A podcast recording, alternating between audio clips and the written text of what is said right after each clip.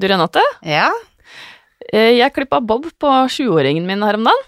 Oi, Ja, ble det- fin. ja veldig. Og, hun og en venninne ville klippe seg sammen, Å, så søtt. så da måtte jeg jo det. Det var jo så søtt. Ja. Så mens jeg drev og klippa dem, så har jeg jo en, en jente som er to år òg, som Ja. også ville leke frisør. Så hun satt ved siden av. ja.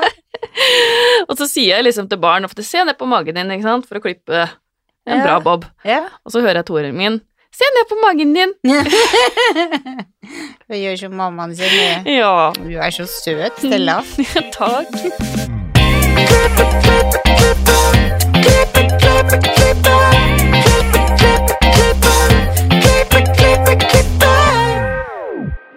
Velkommen til Hårpodden. Jeg heter Renate. Jeg heter Ann-Marit. Ja, Ann-Marit. Hvordan har uka di vært? Eh, Jeg har lyst til å fortelle om en ny serie jeg har sett. Ja. Ja, Emily in Paris. Å, Har du sett den? nei. Nei? Det er veldig sånn søt, uh, søt serie. Veldig forutsigbar, men veldig søt. Men det som jeg syntes var veldig bra med den, var at det var så mye fint hår der. Jeg har blitt skikkelig inspirert av den serien til å lage hår. Ja, så Ja. bra. Så det anbefales, altså. Ja. Ja. Hva var den het? Emily in Paris. Emily in Paris, ja. Mm. Nå skal jeg se, er det Netflix? Ja. Ja. Det er, det er greit. Hva med deg? Jo, jeg har vært på Train the Trainer forrige uke. Spennende. Ja, og det er litt sånn i din gate, for da måtte jeg gjøre seks eh, oppsett på rappen, og vi fikk halvtime på hver, og det gikk strålende. Så bra. Jeg var så fornøyd, ja. Ja. Til meg å være, så var det Det Så god- det ga mersmak, så du kan si at dokka mi på søndag, den fikk eh, prep og oppsett, og så nå begynner det å nå, nå begynner det å klø litt. Når Ja. Du får noen sånne festepunkter og noen sånne enkle teknikker å følge. Det var god opplæring. Veldig. Ja. Så Katrin som jobber på Skøyen, hun er altså så flink, altså. ja. Til å lære bort og Ja, så det Så nå blir det bruder hele sommer. Ja, vi får se, da, om det blir den. ja, men vi har jo med oss en gjest i dag, vi. Mm, Og i studio. Ja, det er jo fantastisk. Ja. Endelig i studio. Så dagens gjest er godt kjent i bransjen vår. Han drev Tommy-salongene, og han er frisøren til selveste dronning Sonja. Han har tidligere vært konkurransefrisør, holdt kurs, reist verden rundt, pluss mye, mye mer. Han har virkelig hatt en lang og spennende karriere som vi gleder oss til å høre mer om. Velkommen til oss, Tom Eriksen. Tusen takk. Kan ikke du fortelle litt om din frisørkarriere? Ja, jeg må nesten begynne med eh, Jeg hadde lite godt i alle fag på skolen, Ja, for jeg eh, hadde dysleksi og kunne ikke lese og skrive. Og så var det spørsmål hva skal du bli da? Eh, Jeg hadde, hadde lyst til å bli tre ting. Jeg hadde lyst til å bli buntmaker, eller lyst til å bli skuespiller eller ved teater, eller frisør. Så var det lettest å starte med frisør og komme inn på yrkesskoler og sånt noe. Så der startet det. Og det som er viktig for alle, det er å finne på noe de passer til. mm. Et yrke som, som, du, som blir vellykket, for da blir dagen mye enklere. ja. Så ut ifra det så begynte jeg eh, for meg selv i 1968. Um, lånte 15 000 av min bestefar og startet opp i et leid lokale. Og gjorde det så fjongt og fint som det kunne gjøres, med rokoko og prismekroner og veldig jålete, egentlig. Og så ballet det på seg med Først sto jeg alene et halvt år, tenker jeg, og så ble det ansatt her folk, og så begynte jeg Det var på Økeren i en gammel villa. Og så ble det at jeg flyttet ned til Økernsenteret, og da fikk du liksom Da ble det liv i leiren. For i et senter så er det både mye drop-in og øh, ja, T-banen var der, forretninger var der, det var lettere å få kunder. Så det var øh, Det var liksom min første øh, frisørsalong, det var Økeren. Men hva var det som gjorde at du valgte liksom akkurat frisør, liksom? Hva var det Nei, det kan du si, men, men det var jo at jeg på yrkesskolen eh, fikk til dette. Og når du får tilbakemeldinger at faen så flink du er, liksom, så så er det lettere å fortsette. Ja. ja. Så det var vel eh, det som gjorde, og jeg sier til alle, ja, velg riktig yrke, ellers så får du et trist liv. Mm. Det er Det så er som å sant. velge feil person å leve med. ja. Det er bra beskrevet. ja. Ja, det er jeg helt enig i. Jeg får ofte eller jeg får spørsmål hver dag av samboeren min hvordan har du hatt det på jobb. ja. Kjempefint, sier jeg. Ja. Kjempefint òg, sier han da. Ja, sier jeg. ja det, er, det er viktig, altså. Ja, det er det. Ja. det sånn er det jo med deg òg. Mm, ja. Det er, det, det er så viktig. Det er så mye tid man bruker på jobb hver eneste dag, år ut, år inn. Ja. Da bør det være noe du liker. Ja. For det er ikke alle ting man passer til. Nei. Nei. Nei. Og i hvert fall hvis du har et handikap, så, så det å lære noe eller gå på skolen og sånt, og det var helt eh, Jeg måtte gjøre noe med hendene mine. Mm. Ja. Men har du alltid drevet for deg selv? ja. Ja. Mm. Bortsett fra i læra, da. ja Da hvor, var jeg ansatt på Fornebu Ja. Da Fornebu flyplass åpnet. Men jeg mener altså at jeg husker at jeg har hørt at når du drev på Økeren, Ja. så tok du med deg håndklærne hjem på T-banen. ja, for vi hadde ikke råd til vaskemaskin. Ja. Så mor bodde på Carl Berner, og da Da var det slik at jeg gikk med møkkete håndklær om kvelden og rene håndklær om dagen. Og da du ikke hadde bil, så var det å satse på T-banen. Så det morsomme med hele det der der var jo at den bøtta jeg bar håndklær i, det var jo så svær som et uvær. Og for at ikke publikum på T-banen skulle se at eh, det var håndklær som lå oppi der, så la jeg aviser oppå. Og så satte jeg fram meg bøtta på T-banestasjonen, for den var jo tung. Og da gikk folk og trodde det var søppelbøtta på T-banen, så de tømte sigarettpapir og, og søppel oppi der. Så da turte jeg ikke gå opp på T-banen, da. Så må du vente til neste trikk. Ja, det er riktig, det. ja. Jeg tenker da brenner du virkelig for salongen og yrket, da. Når du, Ja, når man ikke har så mye penger, og den tiden var det i hvert fall dårlig, så, så må man gjøre noen eh, knep for å få det til. Mm. Ja, Og det var starten, men, det var starten, faktisk. ja, men hvor mange salonger har du i dag? I dag har jeg bare én salong, eh, på grunn av at eh, du vet hvor voksen jeg er, og livet er ikke bare frisør, du skal jo leve og ha det hyggelig. Men i min storhetstid så hadde jeg syv salonger, tre parfymerier, og det var svære parfymerier. Og et sted mellom 50 og 100 ansatte bare i glansperioden, for det at i disse sentrene jeg var, så hadde vi jo to skift, ikke sant? Mm. Og mm, lange åpningstider, da, som, som gjorde sitt til det. Så øh, det var mange år jeg jobba fælt, og så fikk jeg da øh, muligheter til øh, Jeg var interessert i konkurransefrisering, og det gjorde at jeg kom rundt i verden og deltok i forskjellige mesterskap rundt omkring. Jeg var vel tre ganger norgesmester og en annen plass i verdensmesterskapet. Wow. Så Hva var det du konkurrerte i? det var i forskjellige disipliner innenfor hår, da. Det var liksom dagligfrisyre, kunstnerisk frisyre og gallafrisyre og ja. Som disiplinene var den gangen. I dag er det annerledes. Ja. for da måtte du gå gjennom alle, og så til slutt Ja, vinner du eller ikke, holdt jeg på å si. man, ja, Ja. man måtte være med på alle eh, oppgavene. Ja, det er ganske Ja. omfattende. Ja da. Ja. Um, det verdensmesterskapet i New York, det, der var vi faktisk lag. Vi var fire stykker på det norske laget. Så alle vi fire fikk en sølvmedalje, da, for å være korrekt. Ja. Men hvem, kan jeg spørre hvem som var på det laget? Ja, det kan du spørre om. Det var Alf Andersen fra Drammen, så var det Grete Nervold, og så var det Vigdis Reksten og meg. Ja. Og det var jo fryktelig spennende, og i New York eh, på den tiden, det var jo uvant for oss, vi var veldig unge. Men i salen satt monsieur Alexander, som var da en av verdens mest berømte frisører. Etter dette så kommer han bort til meg via en svensk dame som jeg kjente, og som han kjente. Hun hadde presentert meg, og så sier Alexander 'Har du lyst til å jobbe for meg i Paris?' Oi. Ja, det var jo morsomt.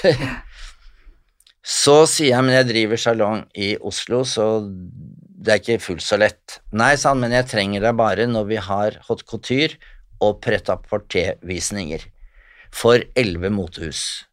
Så da kom jeg inn i en sånn luksusboble i Paris eh, som hans assistent, og eh, han sa også noe at eh, du må betale reisen selv, du må betale hotell selv, du må betale maten din selv, men lærdommen får du gratis. Ja. Og så Og lærte du mye? Ja, Ja. utrolig mye. Og det var jo sånn at hvert motehus hadde sin egen frisyre, og innenfor hvert motehus så var alle mannekengene like på håret. Så eh, kom vi til neste motehus, og der var det alle mannekengene der hadde en annen frisyre, men de var også like. Det er helt vilt, det er jo så stort. Ja, ja det er svært. Men det, er- det er mulig jeg er dum, men pretta på Pret-à-porter, det betyr at det var tøy som var laget opp eh, i mange stykker, mange stykker. Oi. Det var for vanlige folk i gata, liksom. Ja, Men haute couture det var jo bare laget ett plagg av hver. ja så det er forskjellen. Ja. Så hvis du kjøper noe haute couture-tøy, så er du den eh, Det er bare deg som har den kjolen, eller Ja. den kåpen, eller hva. Så Alexander var jo um, et eventyr å jobbe for, og hans kundekrets var jo fra hele verden. Og vi var Han, han eh, hadde fast stab som jobbet for han, men så eh, fant han ut noen utlendinger som han kunne bruke. For, det, for han var det billig arbeidskraft, og vi ville være der av at vi lærte. Og um, da var det sånn at vi um, For hvert motehus så måtte vi trene på den frisyren. Og da hadde han personalet som trente oss opp. Og når vi var ferdig med motevisningene for alle motehusene, så friserte vi på natten fotomodeller som skulle vise fram dette i magasiner og sånt. Så det var jo Du sov ikke, det du, var ikke så mange timer å sove. men Det høres var så gøy ut. Ja. Og så bringer dette meg videre rundt i verden, ikke sant, for han, Monsieur Alexander, han var eh, privat venn av eh, ja, Vent litt, Grace Kelly. Oi, oi, oi, oi. Og. Grace Kelly giftet seg med prins eh, René i, i, i eh, Monte Carlo. Ja. Så plutselig så var jeg der, da, på grunn av Alexander. Og det var eh, På disse svære ballene i Monte Carlo så var vi jo sammen med Stephanie og Caroline og alle disse folka. Og det var jo Ja, det var Jeg, må bare Et spørre deg det. Har, har- du noen gang vært i den settinga og tenkt der, nå må jeg klype med armen, er dette virkelig, liksom? Ja, det faktisk. Ja. Og um, når du sier det, klype deg i armen på disse ballene, så husker jeg det var Når du er sammen med kongelige, da, så er det slik at eh, når de reiser seg, så må alle reise seg. Og så satt vi på dette ballet, og så var det prinsesse Caroline som reiste seg uten å si noe. Og alle reiste seg, og så sier hun 'sitt, sitt, sitt, alle må på toalettet av og til', sa hun. Men det var, det var et eventyr. Og jeg jobbet der i mange år. Og um, Alexander, han eh, Vi ble så godt kjent at han kom til min 50-årsdag på Chat Noir. Og eh, for da hadde jeg leid Chat Noir for å lage en innsamling til kampen for aids, som var så populær på den tiden. Og da var det slik at alle jeg inviterte, kunne få legge den summen de hadde anledning til, i en konvolutt anonymt. Så vi fikk inn da 300 000-400 000 den kvelden, Oi. og jeg hadde 30 artister som stilte opp gratis for å lage denne forestillingen. Og det var Rolf Wesenlund som var konferansier, og på grunn av dette så var jo pressen veldig interessert i meg, så jeg var med i masse TV-programmer overalt. Og ja, det var jo morsomt. Så da kunne jeg gå hjemmefra og ta en taxi, og så sier drosjesjåføren hvor skal frisøren hen i kveld? Oi. Men, Jeg, det, men det er, i dag så er jo liksom influensere, kjendiser og sånt, det er jo noe veldig mange gjør. På, på den tiden, da må du ha vært ganske aleine om å være Ja, kjendisfrisør, da. ja Ja. faktisk. Det var eh, det, den Altså, den forretningen som jeg konkurrerte mot, det var jo Øystein Bjørndal som driver Adam og Eva. Vi to var jo samme alder og skulle starte sammen, hadde ikke penger til det, så vi begynte hver for seg. Han begynte som herrefrisør, og jeg begynte med alt. I dag klipper vi jo alt, samme bare kan gå sjøl. Så enden på visa er at eh, det var han som var min store konkurrent, egentlig, bortsett fra at han satset mer på herrer og på yngre. Og jeg syns jeg skulle ta vare på de voksne damene som ville ha Som kom med pelser og, og pønta seg for å gå til frisøren. Ja. Men, eh, ja. Det har vært uh, morsomt og interessant. men de, har, altså, de som driver i dag, de har jo influensere som popstjerner, skifolk, litt sånn. Mm. Men du har hatt fyrstefamilie. Jeg må si at jeg har jo sånn fetisj for fyrstefamilien. Jeg har fulgt med på de fra jeg var liten. Ja. De og Kendy, for det er liksom så De er så vakre. Og så elegante og grasiøse og masse historie. ja, det er flott historie. familie, det òg. Ja. Men jeg, jeg var jo såpass smart den gangen òg at jeg brukte jo kjente folk eh, som PR for meg, da. Mm. Så jeg sa Og det var mange, ja Kanskje den beste som jeg har hatt mest glede av, Wenche Myhre, som, som i dag er en veldig god privat venn av meg, og vi er mye sammen. Og det var jo eh, Den gangen så var det den, en av de enkleste måtene å få PR på, det er at du friserte kjente mennesker, og det driver de med i dag òg. ja. Ja. Det er bra oppskrift, det. Ja. ja. For å reklamere i avisen, det er dyrt, vet du, i hvert fall den gangen. Så vi satset Jeg satset på å gjøre noe spesielt, sånn at jeg fikk pressen til å skrive om det. Mm. Fikk du noen gang stelle Grace Kelly på håret? Nei. Nei. Det var monsieur Alexander som gjorde. Ja. Ja, selvfølgelig. Jeg var fantastisk pen. Ja. Hun var jo vakker, og jeg eh, jobbet Jeg kjente henne lenge før hun døde. Hun var jo med i en bilulykke og døde der. Så vi var en del frisører, 2000 frisører verden over, som kjøpte et hus i Paris. Og for å få PR på det huset, så fikk, eh, klarte Alexander å få eh, prinsesse Grace som beskytter for det huset. Oi. Sånn at jeg hilste på henne masse i det huset, og, og ja, når, du, når jeg fikk være med han, Alexander, eller jeg burde si Monsieur Alexander, så så falt brikkene på plass. ja, Mm. ja. Og så var det å finne på mer markedsføringstiltak, da. Jeg, eh, jeg kjøpte Norges største buss, og fikk sprøytelakkert den eh, til Den het Tommy Ekspressen. Og innvendig var det en frisørsalong og en boseksjon og, og styrhus. Oi. Så reiste jeg med denne bussen rundt på messer eh, eh, Hva heter det? Det heter eh, eh, sånne badestrender eller campingplasser. Og kobla til strøm og vann, og mm, klipte hår. Så utrolig gøy. Eh, ja, og da måtte jeg ha bussertifikat, så jeg reiste til Drammen og tok bussertifikat, for da var meg som flytta på bussen fra sted til sted. det er morsomt. Og da fikk jeg veldig mye PR. Ja. Ja. Var det to forskjellige kundekretser? På campingplassene. Og The Royal? Ja, det Ja. var, Det var liksom stor topp fra den ene sida Ja. til den andre. ja da. Nei, jeg har aldri vært nøye på hvem jeg har uh, klipt eller hatt med å gjøre. Nei, det er gøy, da. Ja da. Det var veldig, veldig, veldig morsomt. Ja. Hvordan kom du i kontakt med dronning Sonja?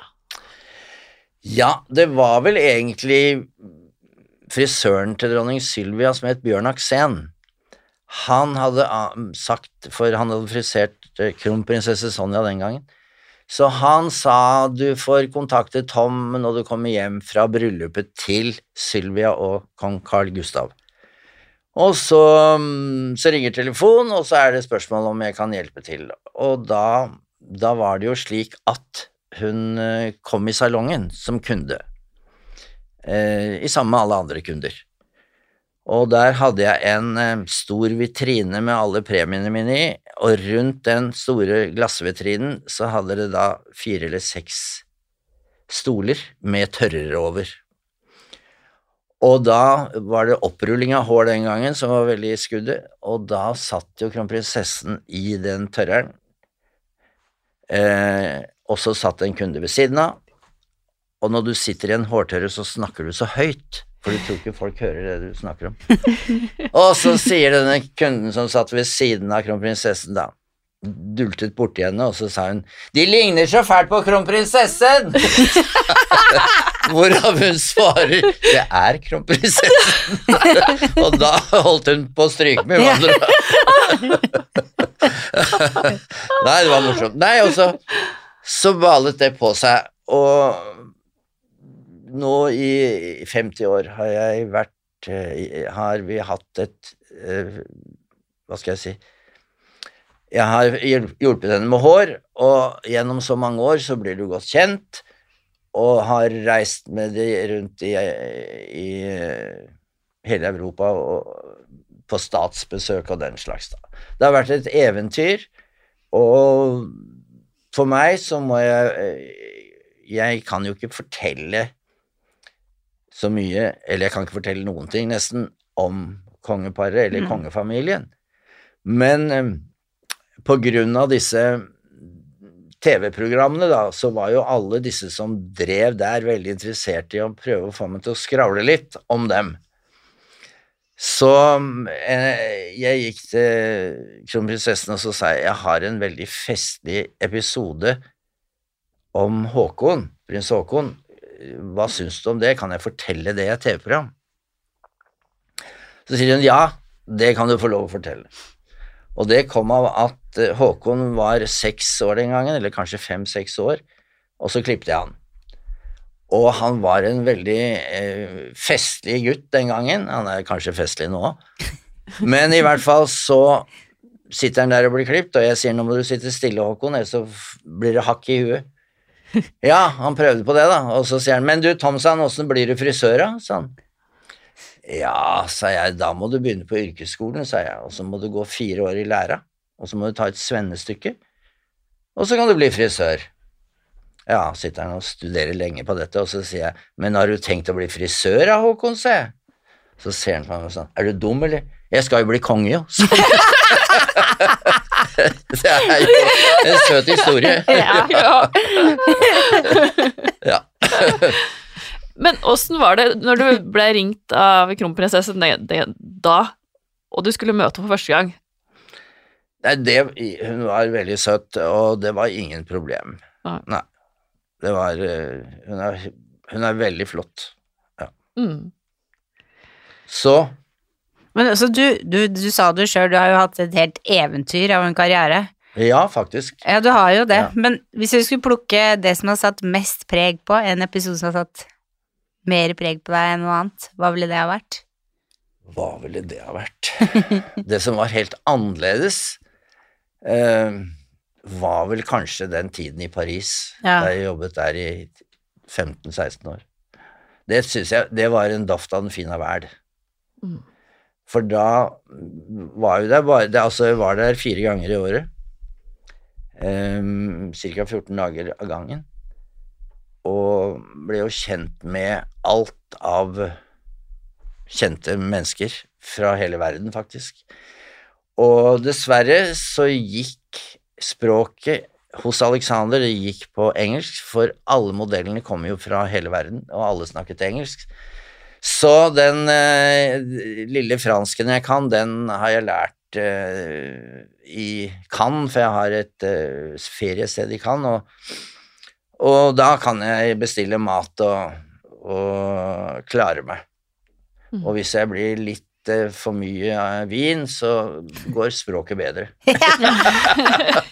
sånn er det jo. Man tør mer. Ja. Nei, det der eh, tiden i Paris, det var helt utrolig. Ja. Å hilse på kundene hos Alexander som Ja, nå husker jeg nesten ikke hva alle het, men det var eh, Gresk Kelly gikk jo der av og til, og det var Det var eh, Ja, hva het hun? Sophia Loren, det var Sissi Chamin, det var Catherine Nøv, det var, det var bare sånne, og da Hadde dere Brigitte Bardot? Ja. Ja, fy søren. Brigitte Bardot ble, jeg, ble jeg egentlig kjent med via Edna Falao, som driver en strandrestaurant i Saint-Tropez. Og hun hadde jeg kjent i mange år via Grete Kausland, så vi var gode venner. Så hun sa jeg kommer til Oslo og har med Brigitte Bardot og sin mann, eller det var ikke mann, for de skulle gifte seg i Oslo. Og da tenkte jeg ok, da tar jeg den svære båten jeg hadde og inviterer på båttur, og så var de hjemme hos meg på middag, og så var vi på restaurant i Oslo, men ingen kjente jo henne, ikke sant? Eh, For de hadde ikke regnet med å se Brigitte Bardot fly rundt i Oslo. Nei. Men eh, det var en fantastisk dame, og eh, de var jo eh, på båttur, så eh, ganske morsomt, for i båtforeningen så er det en restaurant med en sånn uteservering. Mm. Og da jeg kjørte Jeg hadde en båt på 50 fot, og det var stort den gangen, med tre doble sovelugarer og badekar. Det var veldig Ja, det var flott. Og skulle ha med disse gjestene på båttur, og da sier hun som drev restauranten, 'Hvem skal du ha med deg i kveld?' For jeg holdt på å bære om bord mat og drikke og alt dette. Så sa jeg 'Jeg skal ha med meg Brigitte Bardot', sa jeg. Og det hørte en av de som satt på restauranten. Og så, så sa han han er gæren, han der frisøren. Så kommer da Brigitte Bardot og Edna Falao på båttur med så høye hæler, og trodde de skulle på noe helt annet enn båttur, i hvert fall.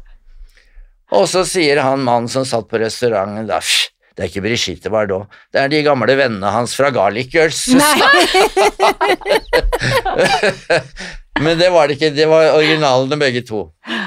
Så det var jo kjente, kjente fjes, ja. Mm. Noe stilikon. Mm, virkelig. Mm. Så eh, morsomt, morsomt er det, var det også. Og så skulle jeg eh, være med, jeg tror det var, skulle være dommer i et mesterskap i Las Vegas. Og så jobbet jeg mye te på teater med sammen med Elisabeth Granemann, og så fikk hun rede på at jeg skulle til Las Vegas og møte Liberace. Og så sier hun til meg, jeg har gjort en kopi på Liberace på Chat Noir, og han elsker seg, elsker flygler i alle størrelser.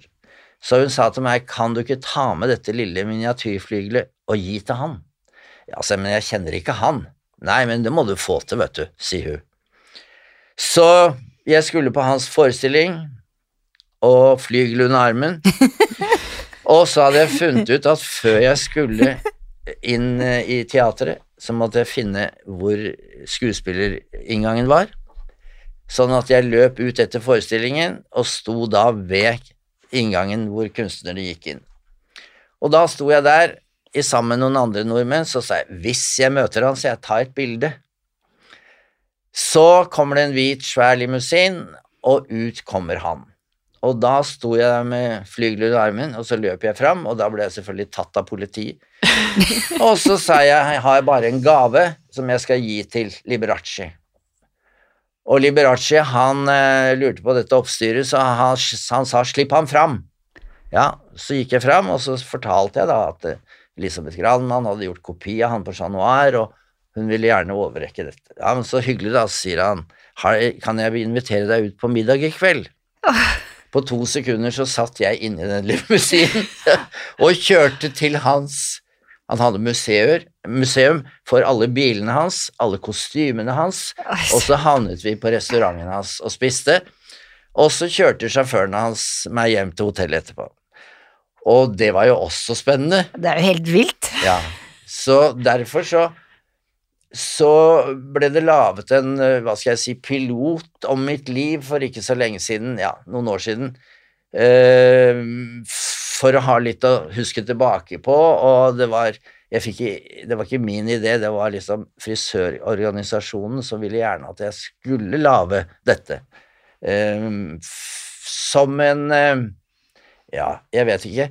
Eh, inspirasjon for yngre folk som ville bli frisører, kanskje. Mm. Og det er jo sånn i alle bransjer at hvis du gjør litt ekstra, så får du litt ekstra. Så, så sånn var det.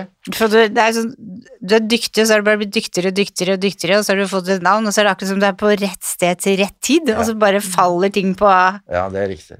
Det er helt fantastisk. ja. Og så må du ta sjanser, altså. Ja. Mm. Det må jeg, jeg ble jo Jeg hadde fru Thon som kunde, og ble veldig godt kjent med Olav Thon, og dem hadde ikke barn, så jeg var hjemme hos dem hver julaften, og vi hadde et veldig nært forhold. Og han hjalp meg med å skaffe lokaler, for han eide jo hele Oslo nesten, blant annet Sandvika Storsenter, som i dag jeg er enda. Og da vi startet der ute, så ja, det var Ikke da vi startet, men eh, det var jo 200-300 forretninger. Og når vi hadde jubileum nå, da var vi seks forretninger igjen som hadde vært der fra åpningsdagen. Så det hadde vært mye utskiftninger, som er ganske normalt, men, men eh, da eh, så jeg Olav igjen, for da inviterte han alle disse seks på frokost.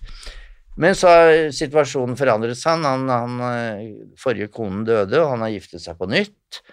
Og nå er jo han snart 100 år, så han er jo ikke Han løper ikke Nordmarka rundt lenger. Nei. Men en veldig flott person. Han har hjulpet meg masse og vært veldig real overfor meg. Så man må ha litt tur med folk man møter òg. Mm. Ja. Men alt starta med at du tok frisørutdannelsen. Ja. Det er liksom Ja. så inspirerende å høre alt du har liksom opplevd Ja. i din karriere. ja, det har vært mye, mange baller i luften. Ja, virkelig. Hva syns du er det aller beste med å være frisør, hvis du ikke nevnte noe sånt? Ja. Det beste med å være frisør, det er jo å gjøre kunden fornøyd, faktisk. Ja. Og eh, det har jo gjort sitt til at i dag så har jeg jo hatt kunder jeg har hatt nesten i 50 år. De blir Mange dør, selvfølgelig. Og så de ti siste årene så har jeg vel ikke tatt nye kunder. For jeg har hatt nok med de, og de kundene er jo blitt venner. Mm. Ja. Så du, du klipper fortsatt? ja. To-tre I Sandvika? i uka, ja. Hvor mange er det som jobber der? I salongen er vi vel en eh, 12-14 stykker. Ja. Ja. Så um, Det er fin salong, da. Jeg har gått forbi den og sett den. er er stor, kjempefin. salong. Ja, stor. Så um, vi har litt, hatt litt trøbbel nå de to siste årene på grunn av den epidemien som har gått og alt det der. Ja. selvfølgelig. Mm. Men uh, det er bare å bite tennene sammen og holde på. Og Mm. vi nå var jeg og fornyet kontrakten for å holde på i hvert fall fem år til. Mm. Så bra. ja, Du er et forbilde. Ja, virkelig. Ja, takk. Vi har noen faste spørsmål til deg. Ja vel. Nå er jeg spent. Ja. Har du noen tips til frisører som vil opp og fram? Ja, det har jeg faktisk, og det er at hvis du har lyst til å komme opp og fram, så er ikke 37,5 timers uke. Du må faktisk stå på, og det viktigste er innenfor vår bransje, det er jo service og dyktighet. Så har du det, og god, svær pose med arbeidslyst, så får du det til. Mm. Det er så sant. Ja, Det er, det er det. Ja. Jeg hører hele tida at du jobber så mye, så tenker jeg jeg, gjør jo egentlig ikke det. Jeg er bare i salongen. Og sånn er det med deg òg. Ja. Alt Er går du i hår. frisør òg? Ja, ja. Å, så morsomt! Hvorfor sa du ikke det før? Jo da, jeg er det. Ja, ja. ja. Vi er begge frisører. Nei, er det sant? Ja. Å, gud a meg. Ja. Det her er liksom uh, Hårpodden er liksom babyen vår. ja, ja, ja. Det, det å få snakke med håret og få være Ja. med andre frisører som ikke Ja. jobber med, og høre hvordan de jobber og ja. Mm. Og dele det med andre igjen. Ja. Men vi har jo Det er en forretning som heter Intercoiffure Dam, altså ICD er en forkortelse av en frisørorganisasjon Mm. som er over hele verden. Mm. Og Norge, eh, da jeg begynte der, så var vi kanskje ti medlemmer. I dag er vi noen hundre, kanskje. Og vi møtes, eh, og det drives jo hele året, bortsett fra de to siste årene hvor det er mye, mye plunder. Og da har vi kurs og sammenkomster eh, hvor vi kan eh, lære hverandre faget, vi kan lære hverandre business, vi kan lære hverandre Og så har vi da eh, fester, sånn som juleball hvor alle er i livkjole og lange kjoler og Så det er litt jålete. Ja. Mm. Gøy. Ja, det Ja. høres gøy ut. Mm. Hva inspirerer deg? ja, du tenker generelt? Ja, alt. Ja, hva skal jeg si? Jeg eh, er medlem i noe som heter Kunstnerforeningen, og det som inspirerer meg mye, det er Det er så mange som er så jævlig dyktige innenfor teater, innenfor ballett, innenfor ehm, eh, musikal Alt. Og uh, jeg var på premieren nå på Jersey Boys, og der var det fire gutter. De sang som noen guder. Og imponert, for det, det er ikke Ok, du har anlegg for å synge, men det er mye trening bak det òg. Mm. Mm. Ja, det vil jeg og tro. i og med jeg feirer bursdag bare hvert tiende år, så har jeg bestandig leid teatret og laget um, eh, forestillinger. Og invitert 300 kjente, eller 350, eller hvor mange det er. Så vi startet på Chat Noir på min 50-årsdag, og så ble det 60-årsdagen på Dizzie Teater. Og så ble det 70-årsdagen på Valmanns teater. Og da er jeg så heldig at alle disse artistene som hjelper meg, vi hjelper hverandre når det er noe, så vi, eh, vi De tar aldri betalt. Mm. Så Men du er litt Du synger litt, du òg, eller? ja. Ja, du gjør det, ja? Ja. ja. Jeg, hørte, jeg har hørt noe om det, skjønner du. Ja da, Ja. jeg synger på en restaurant en gang i uken i Oslo. Og så um, har jeg eh, Hva skal jeg si? Jeg har vunnet revyfestivalen på Høylandet med et nummer. Og så har jeg opptrådt rundt omkring eh, på mange sykehjem og sykehus og eh, med forskjellige artister. Jeg startet vel med en dame som het Ingeborg Koch. Hun var en eh, sangerinne, og vi reiste rundt.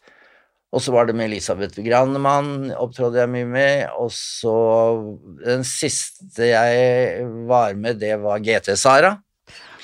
Eh, for når eh, hun var en eh, Hun var ikke standup, men hun, hun var eh, spesiell til å fortelle, og hun spilte gitar og sang.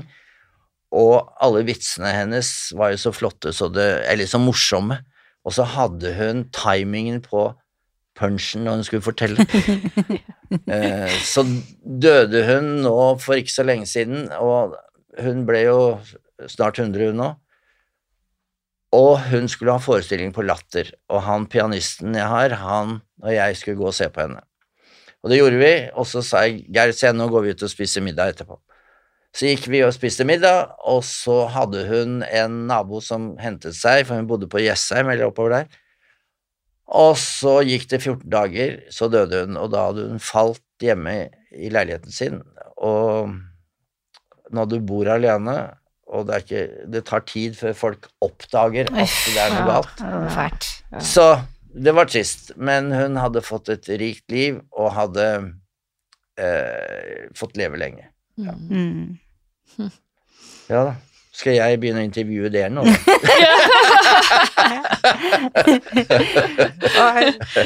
Om du kunne forandre på noe som helst i frisørbransjen, hva ville du gjort? Oi, forandre på noe? Nei, det er ikke lett å forandre på noe Det eh, som jeg kanskje eh, Før så syns jeg Oslo hadde større frisørenheter. I dag er det veldig mange små butikker hvor det står én og to aleine. Mm. Eh, Jeg tror det er inspirerende hvis du står mange frisører sammen og kan lære litt av hverandre. Veldig enig. Ja. Mm. Ja, det er helt sant. Det er sant. Ja, det er helt sant. Ja. Det er Ja. det. Hvor finner lytterne deg på sosiale medier? Nei, lytterne finner meg ikke, men eh, altså Før så var det mye annerledes. Da eh, jeg var i mitt ess, eller drev størst, så var jeg med på så mye TV-programmer eh, at eh, jeg ble jo kjent. Og sånn som eh, bestilte en drosje, så så sier drosjesjåføren uten at jeg hadde sett ham før, 'Hvor skal frisøren hen i kveld?' For han kjente igjen ansiktet. Men, men i dag så er det ikke mange som kjenner igjen et fjes. Og i hvert fall ikke når du går med den der eh, Maskorama-greia. Men du opptrer på en restaurant en gang i uka. ja. Hvilken restaurant er det? Den er Skåveien 1. Det er Atelier, heter den. Ja, så der finner man deg. Der finner man meg. Ja. Og da er jeg sammen med en veldig dyktig pianist der òg, og så er det eh, Janne Kjeldsen som har en av Norges største stemmer. Og så er det sånn på denne restauranten at hvem som helst i restauranten kan gå opp og synge. Oi.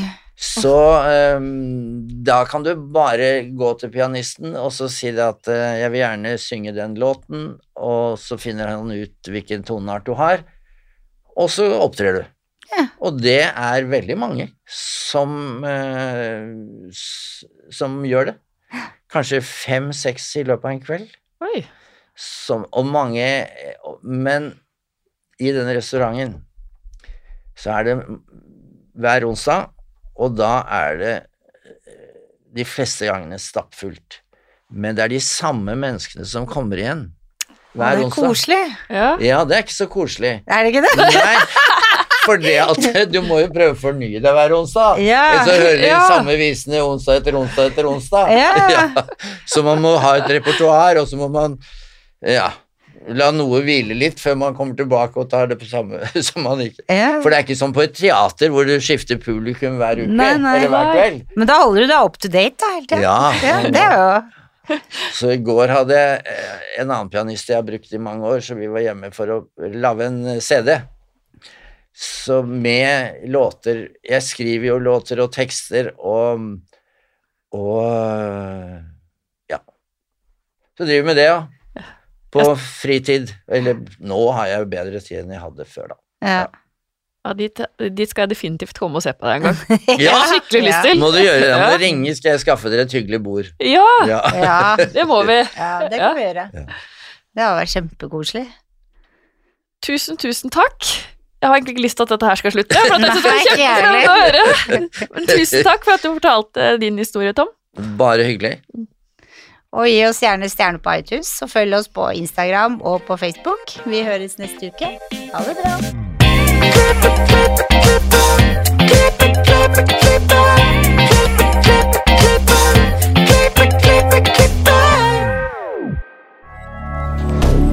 Moderne media. Har du et enkeltpersonforetak eller en liten bedrift? Da er du sikkert lei av å høre meg snakke om hvor enkelt det er med kvitteringer og bilag i fiken, så vi eh, gir oss her, vi. Fordi vi liker enkelt. Fiken superenkelt regnskap.